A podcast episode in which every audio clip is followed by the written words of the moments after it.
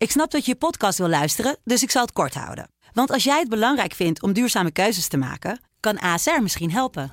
Nou hoor ik je denken, hoe dan? Nou, bijvoorbeeld bij het duurzaam herstellen van schade. Of de premies die we beleggen volgens ons duurzaam beleggingsbeleid. Dat bepaalt waar we wel en juist niet in investeren.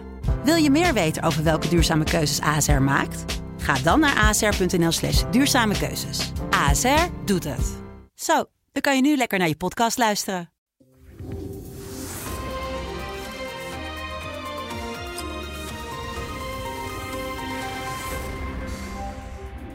Welkom bij het gesprek met Paul Jansen, de hoofdredacteur van de Telegraaf, waarmee we wekelijks bespreken wat hem bezighoudt in het nieuws. Paul, welkom. Ik was een paar weken geleden in het Erasmus MC. Toen sprak ik met Ernst Kuipers. Nou, die kennen we ondertussen allemaal. Als je hem niet kent, dan heb je onder een steen geleefd. Die zei, we gaan onze derde coronawinter in. Ja, ongelooflijk hè? Ja, dat, dat, daar sta je helemaal niet bij stil. Nee, nou ja, ik had, moet je zeggen dat ik uh, toen het hier begon... Uh, um, in, februari uh, met carnaval ja. 2020 dacht, dacht ik ook van nou, dit zal uh, één seizoen duren, hoogstens een jaar. Het, het werd al, al, snel gesproken over een tweede golf. En dan denk je, nou, dat zitten we wel uit. Maar uh, corona is here to stay. Daar lijkt het althans op. Uh, we hebben inmiddels de Delta-variant. Er is nu in Zuid-Afrika uh, alarmerende berichten over ja. weer een mutatie. Net een heel ingewikkelde B11 nog wat ja, code. En, en, en, maar goed, het zorgelijke is, er lijkt geen eind aan te komen. Terwijl uh, corona nog steeds, hè, zoals Kuipers zegt, gaan we een derde winter in, nog steeds een zeer ontwrichtend effect heeft op onze samenleving. Ja. En dat is natuurlijk niet houdbaar. Nee, in, in heel veel, op heel veel terreinen. Laten we een beetje naar, laten we naar de zorg gaan. Want wij hebben het beleid in Nederland. Als de zorg het niet meer aan kan, dan trapt het kabinet op de rem. Ja. Daar is heel veel discussie over. Want uh, er is natuurlijk ook, een, uh, er is ook kritiek op dat we het veel meer hadden iso moeten isoleren. En dan neutraliseren. Maar nu zitten we, dit is het beleid en daar komen we waarschijnlijk ook niet meer van af. Nee, je ziet, je ziet dat verschillende landen andere aan, voor andere aanpakken gaan. Maar ik, ik heb nog uit de, uit de statistieken. Uh, er zijn altijd uitzonderingen waar, waar landen die gezamenlijk voor, voor aanpak A hebben, werkt in een land, een land beter dan het andere. Ja. Maar je ziet eigenlijk niet een één soort aanpak waarvan je zegt die werkt zo goed dat dat moet iedereen gaan volgen. Uh, het, het, het, blijft problematisch. Ik vind het ook verdedigbaar dat je zegt uh, de zorg is leidend. Ja. Ik ga wel steeds meer denken er moeten wel ergens grenzen worden gesteld. Maar op het moment dat je hier en we zitten weer richting code zwart. maar op het moment dat je hier op de stoep van een ziekenhuis moet gaan besluiten wie er nog wel of niet geholpen wordt uh, dan, dan is je zorgniveau A, totaal dramatisch. Maar dan kan je je ook afvragen wat dat maatschappelijk teweeg ja. brengen. Hè? Want uh, er is nu al heel veel onrust, ongeduld, verzet. geweld wordt inmiddels gebruikt. En ik denk dat we die situatie moeten zien te voorkomen. Dus ik vind het logisch dat het kabinet daar ook op inzet.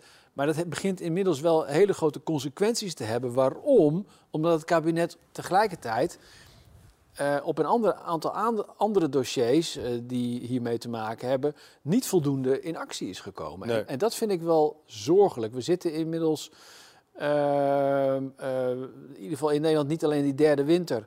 Maar we gaan in ieder geval naar, richting twee jaar coronabeleid. Het lerend vermogen van politiek Den Haag. Ja. En een crisis is ingewikkeld. Uh, en uh, er worden altijd fouten gemaakt, dat is allemaal tot je dienst. Maar het lerend vermogen valt mij nogal tegen. En dan neem ik als voorbeeld de boosterprik. Uh, Nederland is natuurlijk vorig jaar, of, of ja, eind vorig jaar was dat heel veel kritiek, terecht denk ik, geweest op minister De Jonge. die misschien het gezicht is van het beleid, maar natuurlijk niet de enige die daarvoor. hij is wel verantwoordelijk, maar niet de enige die verantwoordelijk is voor of dingen snel of langzaam lopen. Maar er was zeer veel kritiek op Nederland, omdat wij met vaccineren zo'n beetje het traagste jongetje van de ja. klas waren in Europa. Toen zei de jongen nog, ja, het is geen wedstrijd. Ja, dank je de koekoek. Tuurlijk is het een wedstrijd, Ja. want hoe eerder je vaccineert, hoe eerder je uit de problemen bent. Nu gaat het om een boosterprik.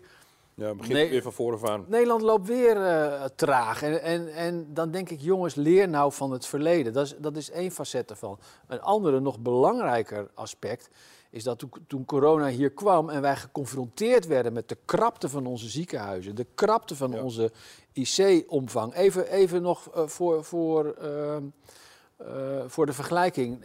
Nederland heeft gemiddeld per 100.000 inwoners 6,7 IC-bedden. In België is dat een ruime dubbele.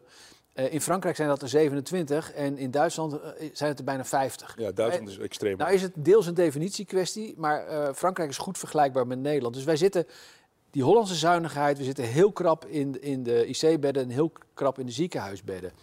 Daar betalen we nu een prijs voor. En wat heeft het kabinet terecht gezegd? Wij gaan proberen die, die capaciteit te verhogen. Daar is helemaal niets van terechtgekomen. Nee. Uh, uh, dat is niet alleen de schuld van het kabinet, maar ze hadden daar wel veel meer moeten doen. Juist omdat je dat lerend vermogen van waar, waar zit de bottleneck, uh, daar gaan we op bijsturen en verhelpen. En dat is, dat is gewoon mislukt en daar hebben we nu nog steeds last van.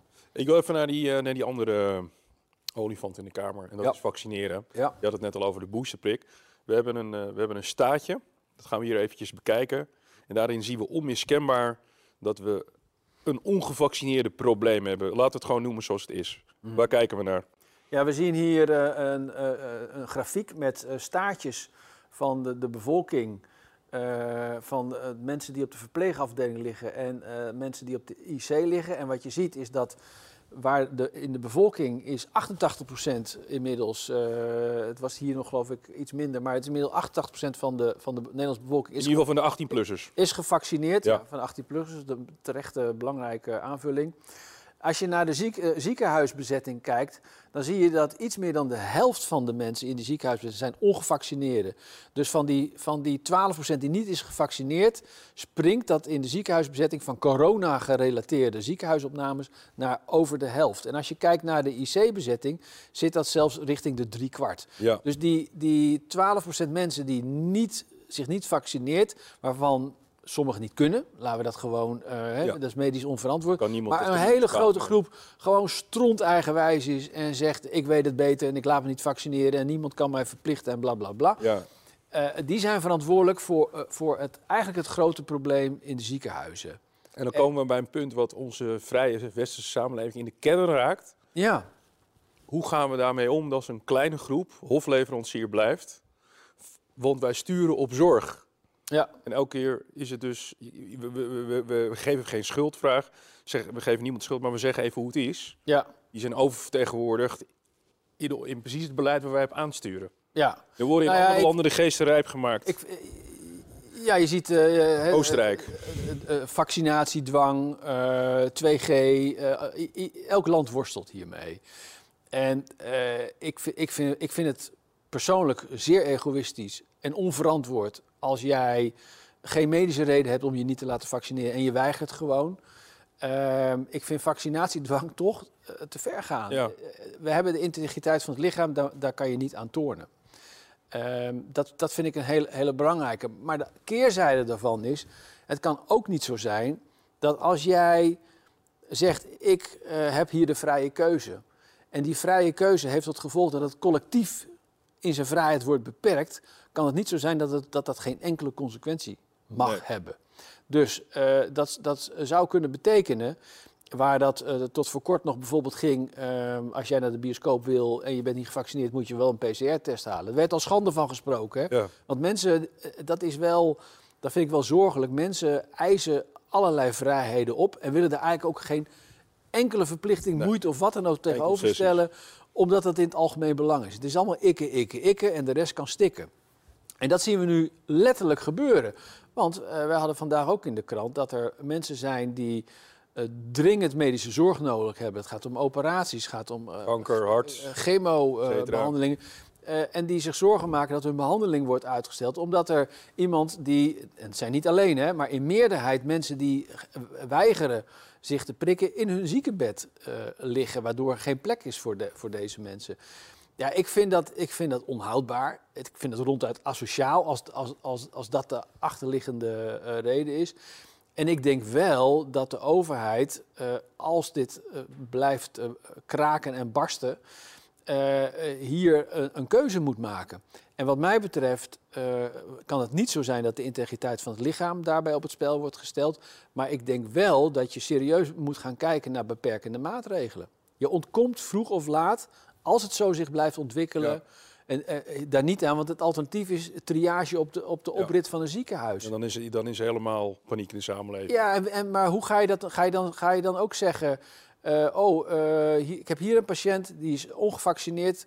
eh, en, en de patiënt weigert zich te prikken. Die heeft nu dringend hulp nodig. Nou, laat die maar liggen. Ja, Want die, die heeft ervoor gekozen om ziek te zijn. Is dat een oplossing? ja. Ik denk, dan, dan ga je toch eerder aan 2G-achtige beperkende maatregelen denken. Ik, ik, ik zou heel graag zien dat we daar niet aan komen. want het blijft een paardenmiddel en je moet eerst de oplossing zoeken in de booster. Je moet de oplossing zoeken in het vergroten van je ziekenhuiscapaciteit. Maar als het eh, over de schoenen gaat lopen en, het- en het is niet haalbaar om dat zonder of om met die maatregelen te doen, dan moet je hier toch naar gaan kijken, vrees ik. Anders is er geen uitweg. Het is in alle opzichten een eh, historische periode. Ja, en ik, ik denk toch eh, dat het belangrijk is dat mensen hun verantwoordelijkheid nemen. Want misschien geloof je er zelf niet in. En misschien zeg je wel, het is mijn vrijheid om niet geprikt te worden. Mensen, kijk om je heen. Kijk wat er gebeurt. En eh, eh, eh, zie wat het met de samenleving doe- doet. En niet alleen met mensen die geen plek, waarvoor geen plek is in het ziekenhuis. Maar al die ondernemers die weer moeten sluiten. En weer op spaargeld, wat al bijna niet meer is, moeten interen. Die mensen gaan eraan kapot. En ik denk dat dat zo langzamerhand in geen enkele verhouding meer staat tussen op zich gezonde argwaan en, en dat je eh, je vrijheid claimt. is allemaal tot je dienst. En ik vind het ook goed dat je heel zorgvuldig bent van eh, wa- wat prik ik in mijn lichaam en niet. Maar kom op, er zijn wel grenzen aan redelijkheid en die zijn we nu wel aardig aan het naderen. Dankjewel. Graag gedaan.